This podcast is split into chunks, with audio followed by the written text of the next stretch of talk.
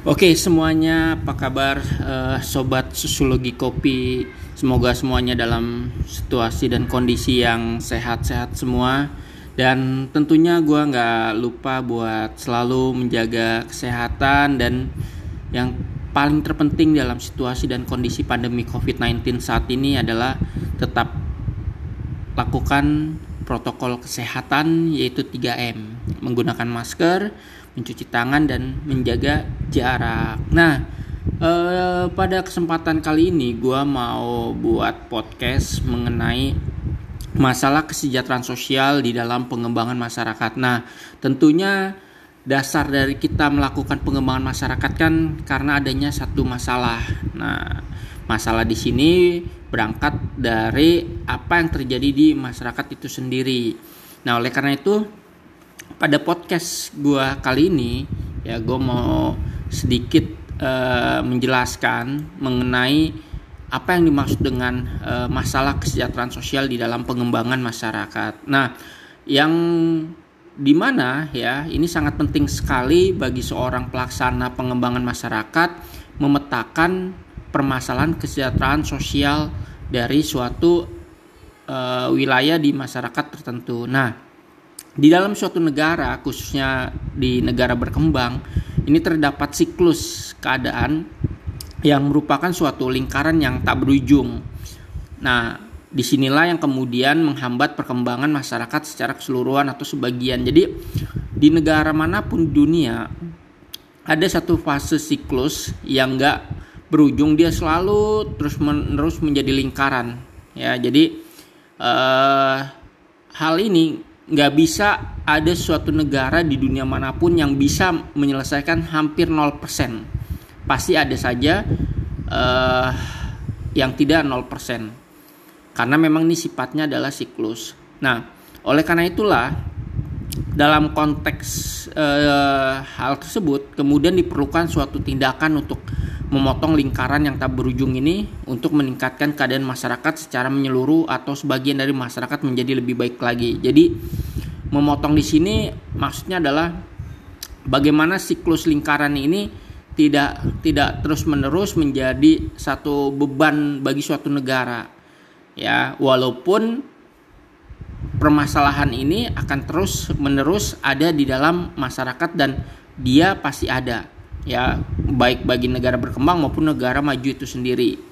Nah, dalam konteks uh, setiap masyarakat ini tentu memiliki potensi yang dapat dikembangkan untuk meningkatkan potensinya, baik sumber daya manusianya, sumber daya alam, sumber daya sosialnya. Nah, oleh karena itu dari segala potensi-potensi yang dimiliki oleh si masyarakat ini, maka hal ini dapat menjadi peluang nih, menjadi peluang untuk dikembangkan tujuannya buat apa sih mengembangkan potensi-potensi yang ada pada masyarakat ini? Ya, salah satunya adalah memotong lingkaran tersebut supaya lingkaran tersebut tidak terus-menerus menjadi sebuah uh, lingkaran yang ada di satu masyarakat tersebut. Jadi uh, dalam konteks kemiskinan misalnya, ya kemiskinan memang di negara-negara maju maupun negara berkembang ya dia tetap akan ada tapi minimal dia bisa diminimalisir dampaknya. Nah, itu pun yang dimaksud dengan memotong lingkaran ini. Jadi, memotong lingkaran ini supaya dampaknya pun tidak semakin meluas dan menjadi beban bagi negara ya, negara itu sendiri. Nah, contoh lainnya lagi misalnya memotong lingkaran, misalnya ada satu keluarga. Satu keluarga ini ibu bapaknya miskin. Nah, gimana caranya supaya anak-anaknya nggak ikutan miskin? Nah, dipotonglah e, lingkaran kemiskinan pada keluarga tersebut. Nah, ini berarti dalam aspek yang mikro, yaitu adalah menyekolahkan anak-anaknya, kemudian memberikan keterampilan kerja pada anak-anaknya, supaya anak-anaknya ini bisa mengembangkan potensi yang ada pada dirinya, sehingga si anak-anak e, dari keluarga ini dia bisa e, mencapai kesejahteraan sosialnya dengan baik atau minimal tidak sama dengan orang tuanya atau kalau dalam istilah sosiologinya namanya si anak ini melakukan yang namanya mobilitas sosial. Nah, oleh karena itulah dalam konteks e, memotong lingkaran-lingkaran uh, kemiskinan, lingkaran-lingkaran permasalahan kesejahteraan sosial ini, ini dibutuhkan penerapan pengembangan masyarakat untuk mengembangkan potensi yang ada di masyarakat melalui pendekatan yang multisektor. Nah, pendekatan yang multisektor ini maksudnya adalah bahwa permasalahan-permasalahan yang terjadi di masyarakat tidak selalu dilihat dalam konteks aspek sosial saja, tetapi juga e, dapat dilihat dalam aspek yang lain misalnya aspek budaya misal aspek budaya kenapa sih nih uh, orang padahal dia punya kemampuan fisiknya bagus tetapi kenapa mengemis oh ternyata mereka nih punya budaya kemiskinan yang mereka tuh sudah terbiasa hidup uh, dengan berprofesi sebagai pengemis gelandangan nah ini banyak fenomena-fenomena yang terjadi juga di Indonesia yang di mana orang lebih memilih mencari pekerjaan yang lebih mudah yang tidak menyulitkan mereka. Nah, oleh karena itulah uh, di konteks pada masyarakat di sini ya, ini bisa dilihat bahwa dalam kehidupan masyarakat ya, kehidupan uh, kemiskinan ini sebenarnya juga berangkat dari yang namanya budaya kemiskinan itu sendiri. Nah, oleh karena itulah konteks yang lain ya eh, aspek-aspek budaya ini perlu juga dilakukan melalui pendekatan pengembangan e, masyarakat. Nah, selain masalah e, budaya, ya multisektor lainnya lagi adalah e, politik, ya, ekonomi, ya, dan juga aspek-aspek lainnya lagi seperti aspek pendidikan, ya. Nah, oleh karena itu dalam proses pengembangan masyarakat untuk mengembangkan potensi ini setidaknya harus dilihat dalam berbagai macam multisektor. Nah, dalam konteks yang lain ya setiap masyarakat itu pasti punya permasalahan kesejahteraan sosial yang di mana permasalahan kesejahteraan sosial ini kalau nggak ditangani dengan baik ya dari level yang paling terkecil adalah keluarga kemudian dari level mezonya adalah e, masyarakat.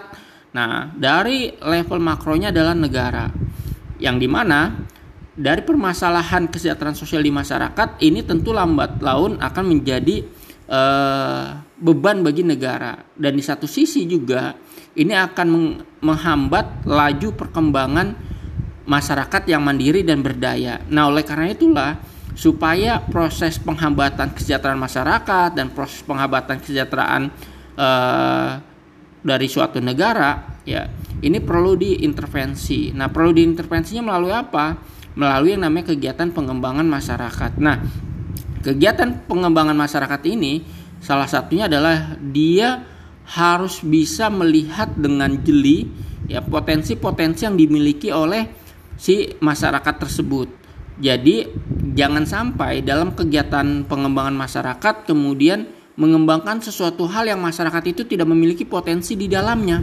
Ya, contoh misalnya kalau uh, lihatnya potensi sumber daya alam masyarakat A ini punya potensi sumber daya alamnya adalah tebu misalnya mereka banyak menjadi petani tebu nah tiba-tiba kemudian mau dilakukan kegiatan pengembangan masyarakat yaitu pengelolaan eh, keripik pisang. Nah sementara pohon pisang di tempat tinggal masyarakat A ini sangat sedikit. Bahkan eh, belum banyak yang masyarakat menanam pohon pisang ya. Kalaupun misalnya mau melakukan pengolahan e, pisang mereka ya harus beli pisang di pasar misalnya. Nah sementara potensi mereka ini tebu. Nah ini kan artinya dalam proses pengembangan masyarakat tidak bisa melihat proses potensi yang ada di masyarakat. Ya jadi hal yang perlu dilakukan adalah kita harus berangkat dari potensi yang dimiliki oleh masyarakat. Ya bukan berdasarkan keinginan dari si pelaksana pengembangan masyarakat. Nah, kalau misalnya kita berangkat dari potensi yang ada di masyarakat, maka proses eh, kegiatan pengembangan masyarakat pun akan berjalan dengan efektif dan efisien. Karena eh, bisa dikatakan masyarakat juga memiliki potensi tersebut, jadi tidak jadi beban buat masyarakat Kayak tadi misal contoh, mau dilakukan pelatihan pengolahan keripik pisang, sementara mereka itu punya tebu. Nah, kalau misal tetap dipaksakan eh, pelatihan pengolahan keripik pisang mau nggak mau kan mereka harus membeli nah kan membeli kemudian mereka harus berangkat ke pasar buat membeli bahan baku keripik pisangnya nah ini kan tentu akan jadi uh, beban atau keterpaksaan buat mereka. Nah, beda soal kalau mereka ternyata semuanya memiliki potensi pohonan tebu. Nah, ini kan sebenarnya tinggal di uh, inovasikan saja produk-produk dari pohon tebu itu sendiri mau dijadikan apa di dalam kegiatan pengembangan masyarakat. Nah, selain itu juga yang perlu dilihat juga adalah aspek geografis dari uh, suatu masyarakat. Misalnya khususnya dalam aspek geografis ini misalnya akses jalan Misal akses jalannya hanya bisa dilalui oleh sepeda motor. Ya mau tidak mau ya proses pengembangan masyarakat harus bisa berbasis pada hal-hal yang tidak membawa barang-barang atau kebutuhan kegiatan pengembangan masyarakat yang begitu banyak. Melihat situasi kondisi jalannya nggak memungkinkan. Jadi bahan-bahan yang digunakan pada proses pengembangan masyarakat itu justru lebih baik adalah yang yang berasal atau dari masyarakat. Sehingga ini justru nggak jadi beban buat si pelaksana pengembangan masyarakat. Nah contoh lainnya lagi misalnya ya. Uh, potensi pada uh, keterampilan kerja. Nah keterampilan kerja mereka misalnya adalah bertani. Nah ini sebenarnya tinggal di tingkatkan lagi potensinya mereka. Ya misalnya kalau potensi keterampilan mereka ini mereka tahu tentang teknik bertani, ya tinggal kemudian diversifikasi tanamannya ditambahkan lagi misalnya. Ya. Nah, intinya adalah dalam proses pengembangan masyarakat itu harus berbasis pada potensi yang ada di masyarakat. Nah, Potensi yang ada di masyarakat ini tentu juga harus dikaitkan dengan masalah kesejahteraan sosial yang dimiliki oleh si masyarakat itu sendiri. Nah, dalam hal yang lain ya, masalah sosial sama masalah kesejahteraan sosial ini dia berbeda ya. Jadi kalau misalnya masalah sosial itu ruang lingkupnya sangat luas sekali. Nah, masalah kesejahteraan sosial ini ruang lingkupnya sangat kecil sekali.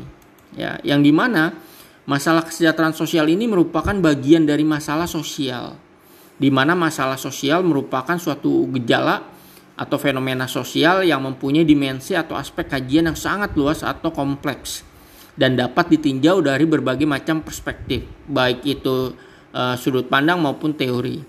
Nah, sementara ya, kalau masalah kesejahteraan sosial dengan masalah uh, sosial bahwa masalah kesejahteraan sosial ini dihadapi oleh individu kelompok dan masyarakat yang dilatar belakangi adanya perubahan dalam kehidupan saat ini yang dibarengi dengan meningkatnya kebutuhan hidup, persaingan hidup yang semakin ketat, ketidakmampuan dan keterbatasan masyarakat untuk beradaptasi sehingga terganggu keadaan kesejahteraan sosialnya serta tidak dapat menjalankan fungsi sosialnya dengan baik. Jadi eh, poin dari kesejahteraan sosial ini yaitu orang terhambat atau tidak bisa secara maksimal menjalankan fungsi sosialnya dengan baik ya. Nah fungsi sosialnya dengan baik ini maksudnya apa? Setiap kita kan pasti disebut dengan makhluk sosial.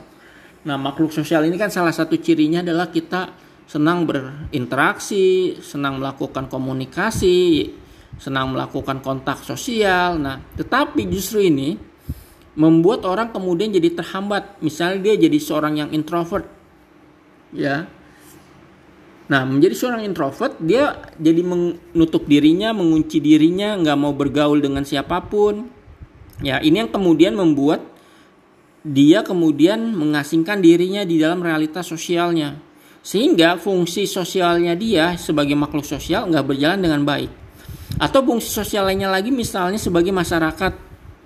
Ya, sebagai masyarakat kita kan harus melakukan gotong royong di dalam masyarakat. Tetapi dia nggak mau tuh melakukan kegiatan gotong royong. Nah artinya ini ada permasalahan fungsi sosialnya pada si individu tersebut. Ya. Nah fungsi sosialnya lain lainnya lagi misalnya dia di dalam mengakses pekerjaannya ya dia nggak bisa mendapatkan akses pekerjaan dengan baik dengan layak ya sehingga kemudian dia jadi pengangguran. Nah ini termasuk bagian dari masalah kesejahteraan sosialnya. Atau misalnya dia mengalami gangguan kesehatan mental ya nah itu juga bagian dari disfungsi sosial atau ketidakberfungsian sosial pada dirinya nah di dalam masalah kesehatan sosial ya baik itu individu kelompok atau masyarakat yang mengalami masalah kesehatan sosial ini disebut dengan uh, penyandang masalah kesejahteraan sosial atau PMKS. Nah, penyandang masalah kesejahteraan sosial atau PMKS ini merupakan keluarga atau kelompok masyarakat karena seseorang uh, mengalami yang namanya hambatan, kesulitan, gangguan dan tidak dapat melaksanakan fungsi sosialnya sehingga tidak dapat terpenuhi kebutuhan hidupnya baik itu secara jasmani, rohani dan sosial secara memadai dan, dan wajar. Jadi PMKS ini ya bisa dikatakan bahwa seorang individu maupun keluarga maupun masyarakat ini nggak bisa menjalankan fungsi sosialnya karena dia mengalami satu hambatan, kesulitan atau gangguan ya sehingga dia tidak dapat memenuhi kebutuhan hidupnya secara memadai dan wajar ya. Nah, setidaknya ya di dalam konteks di Indonesia itu ada 26 jenis penyandang masalah kesejahteraan sosial yang di mana ini pun sudah dibakukan di dalam regulasi Peraturan Menteri Sosial Republik Indonesia nomor uh, eh, 8 tahun 2012. Ya, setidaknya ada 12, uh, 26 penyandang masalah kesejahteraan sosial. Yang pertama adalah anak balita terlantar jadi si anak balita ini nggak diakui sama orang tuanya atau mungkin dibuang oleh orang tuanya. Nah si anak balita ini termasuk adalah PMKS. Jadi dia nggak diurus lah sama orang tuanya dan di Indonesia banyak sekali uh, anak bayi yang kemudian dibuang. Mungkin karena masalah uh, proses kelahiran si anak bayi itu karena hasil hubungan yang ilegal ya atau mungkin anak bayi itu lahir tidak diinginkan oleh kedua orang tuanya. Ada banyaklah persoalannya. Yang jelas anak bayi anak balita telantar ini termasuk dari PMKS. Nah, yang kedua adalah anak terlantar. Nah, kalau tadi anak balita ini anak ya. Jadi si anak ini tidak diurus dengan baik oleh orang tuanya ya, dibiarkan uh, bermain begitu saja. Kalau dalam bahasa uh, anak komunitas merpati itu diumbar lah ya. Jadi si anak itu diumbar aja. Nggak diberikan proses edukasi yang baik oleh orang tuanya ya. Tidak diperhatikan kebutuhan ekonominya oleh orang tuanya tidak diperhatikan kebutuhan pendidikannya tidak diperhatikan kebutuhan spiritualnya ya. Nah sehingga si anak ini eh, kehidupannya terlantar atau haknya dia ini tidak terpenuhi sebagai seorang anak ya. Nah ini termasuk PMKS yang ketiga ya adalah anak nakal yang berhadapan dengan hukum. Nah ini anak-anak yang kemudian disebut uh, sebagai anak yang melakukan kegiatan-kegiatan tindakan yang kriminal atau yang melanggar hukum. Yang kemudian si anak tersebut harus melalui proses pengadilan. Dan ini biasanya harus didampingi. Nah, inilah yang kemudian kalau misal kalian tahu di Tangerang itu ada lapas anak. Nah, lapas anak itu anak-anak yang berhadapan dengan hukum atau yang mereka itu melakukan sebuah perbuatan yang dianggap melanggar satu peraturan hukum pidana ya. Lalu yang keempat anak jalanan. Nah, anak jalanan termasuk juga PMKS, penyandang masalah kesejahteraan sosial. Karena sebenarnya nggak jauh berbeda dengan yang namanya anak terlantar, ya. Uh, di mana dia nggak bisa mengakses kehidupannya dengan baik di keluarganya, di orang tuanya, atau mungkin kalau misalnya dia yang udah nggak punya orang tua, nggak punya keluarga, ya, dia kemudian harus mencari nafkah, mencari rezeki yang sebenarnya itu belum waktu seusianya dia sesuai dengan undang-undang kesejahteraan anak ya. Yang di mana kemudian anak jalanan ini pun rentan mengalami tindakan e, kejahatan tertentu ya. Misalnya e, pemerkosaan kemudian perdagangan manusia kemudian e, perdagangan organ tubuh manusia dan lain sebagainya. Jadi anak jalanan ini pun termasuk dari PMKS Lalu yang kelima adalah anak dengan kedisabilitasan. Nah, anak yang mengalami disabilitas pun bagian dari penyandang masalah kesejahteraan sosial ya karena dia nggak bisa menjalankan fungsi sosialnya dengan baik. Lalu yang keenam adalah anak yang menjadi korban tindak kekerasan atau diperlakukan salah.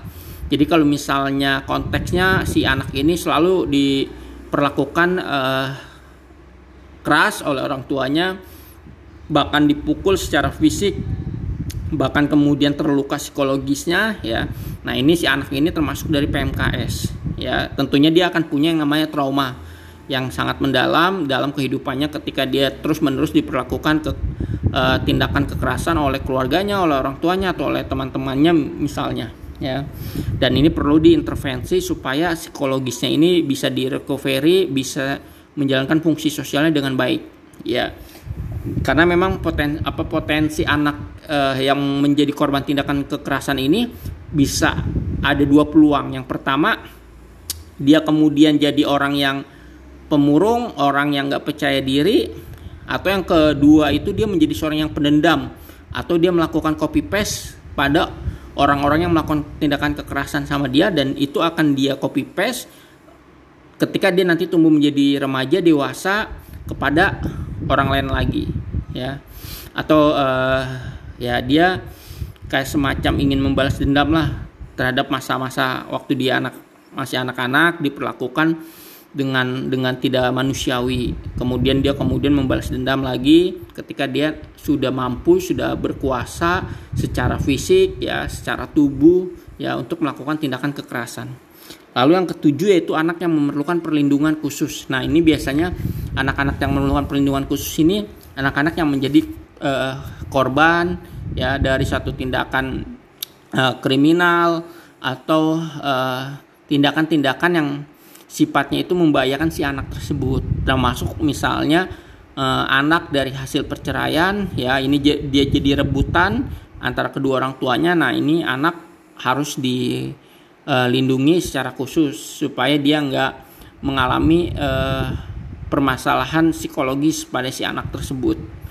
Lalu yang kedelapan adalah lanjut usia telantar nah lanjut usia telantar ini pun eh, termasuk bagian dari PMKS yang di mana orang tua yang kemudian dibuang begitu saja sama anak-anaknya atau tidak diurus oleh keluarganya, kemudian dibiarkan dia berjalan di jalan raya ya yang kemudian biasanya kalau ditemukan orang tua telantar seperti ini eh, dinas sosial akan memasukkannya ke panti jompo ya. Lalu kemudian tunasusila. Tunasusila ini eh, juga bagian dari PMKS. Lalu yang ke-11 gelandangan 12 pengemis gelandangan, 13 pemulung uh, gelandangan. Uh, jadi gelandangan atau gepeng ini ya gelandangan, pengemis, pemulung ini merupakan contoh dari PMKS. Jadi mereka ini nggak bisa mengakses lapangan pekerjaannya, nggak bisa mengakses kebutuhan primernya dia. Kemudian mereka menjadi gepeng, gelandangan, pengemis dan pemulung ini, ya. Dan mereka ini butuh uh, intervensi sosial dari masyarakat maupun dari pemerintah pada khususnya. Lalu yang ke-14 ini kelompok minoritas. Nah, kelompok minoritas ini biasanya kelompok-kelompok yang di suatu uh, wilayah dia mengalami berbagai macam intimidasi dari kelompok mayoritas yang di mana kemudian kelompok minoritas ini perlu dilindungi. Ya, ini biasanya kelompok minoritas ini bisa berkaitan dengan yang namanya suku, agama, etnis, ras maupun uh, golongan.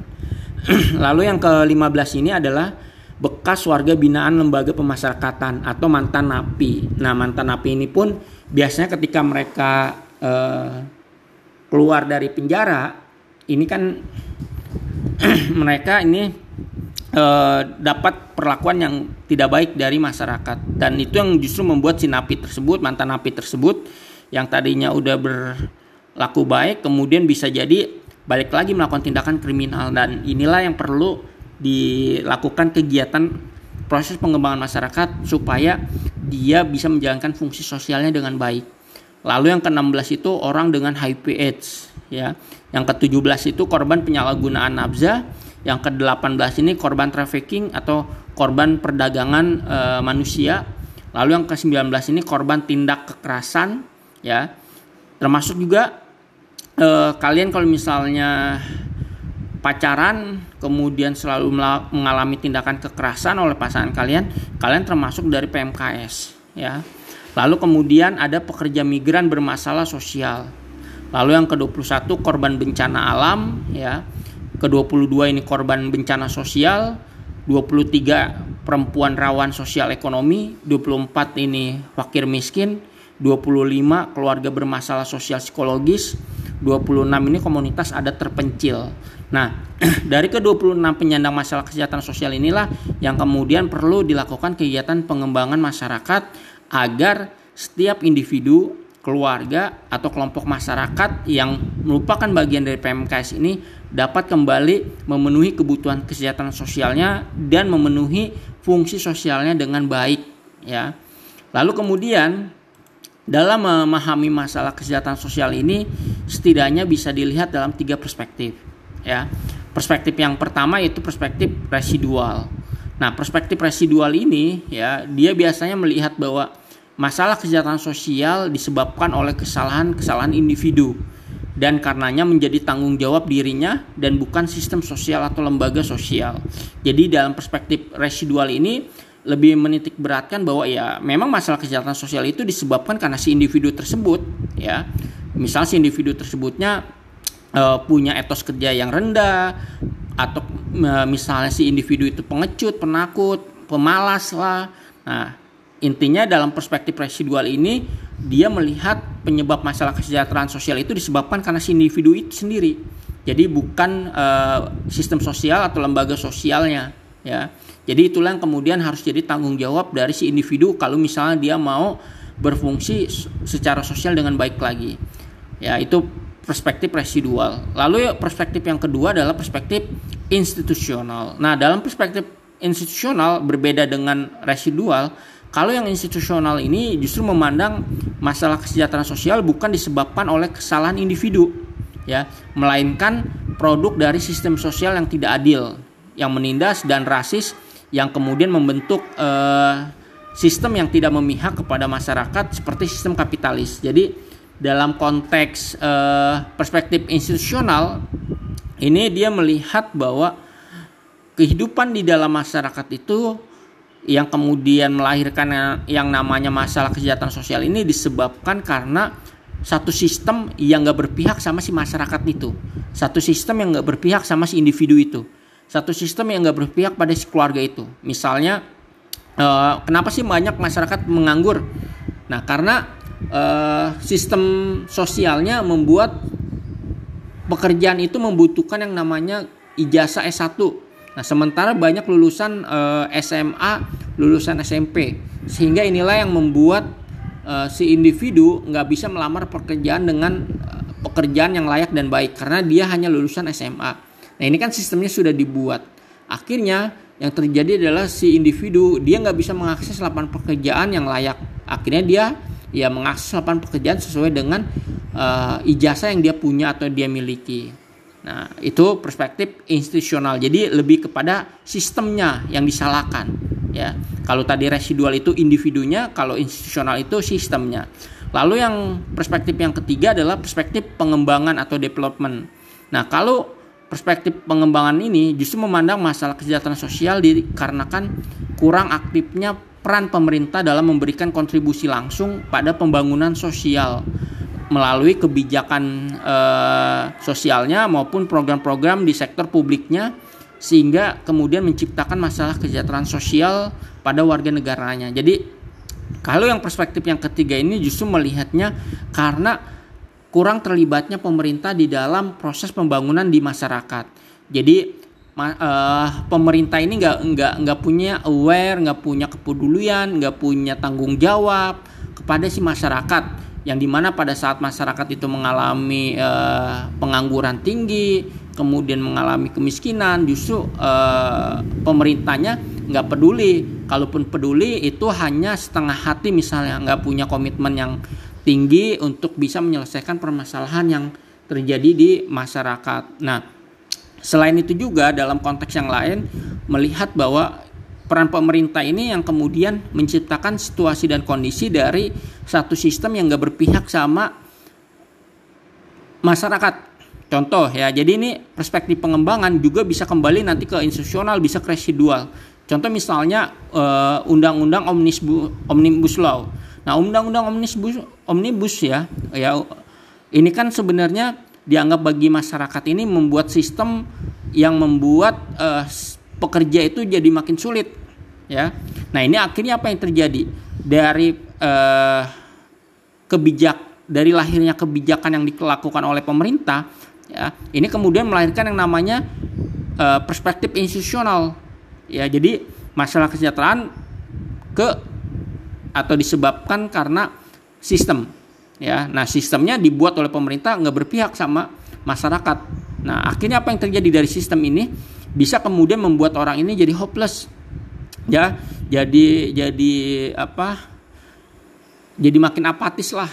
Itu yang kemudian memicu terjadi masalah kesejahteraan sosial. Jadi dalam melihat masalah kesejahteraan sosial pun tidak hanya uh, tunggal, tidak hanya melalui perspektif residual saja atau perspektif institusional atau perspektif pengembangan, tetapi juga kita bisa melihat masalah kesejahteraan sosial ini secara integratif, yaitu menggunakan tiga perspektif ini sekaligus dalam melihat satu fenomena masalah kesejahteraan sosial.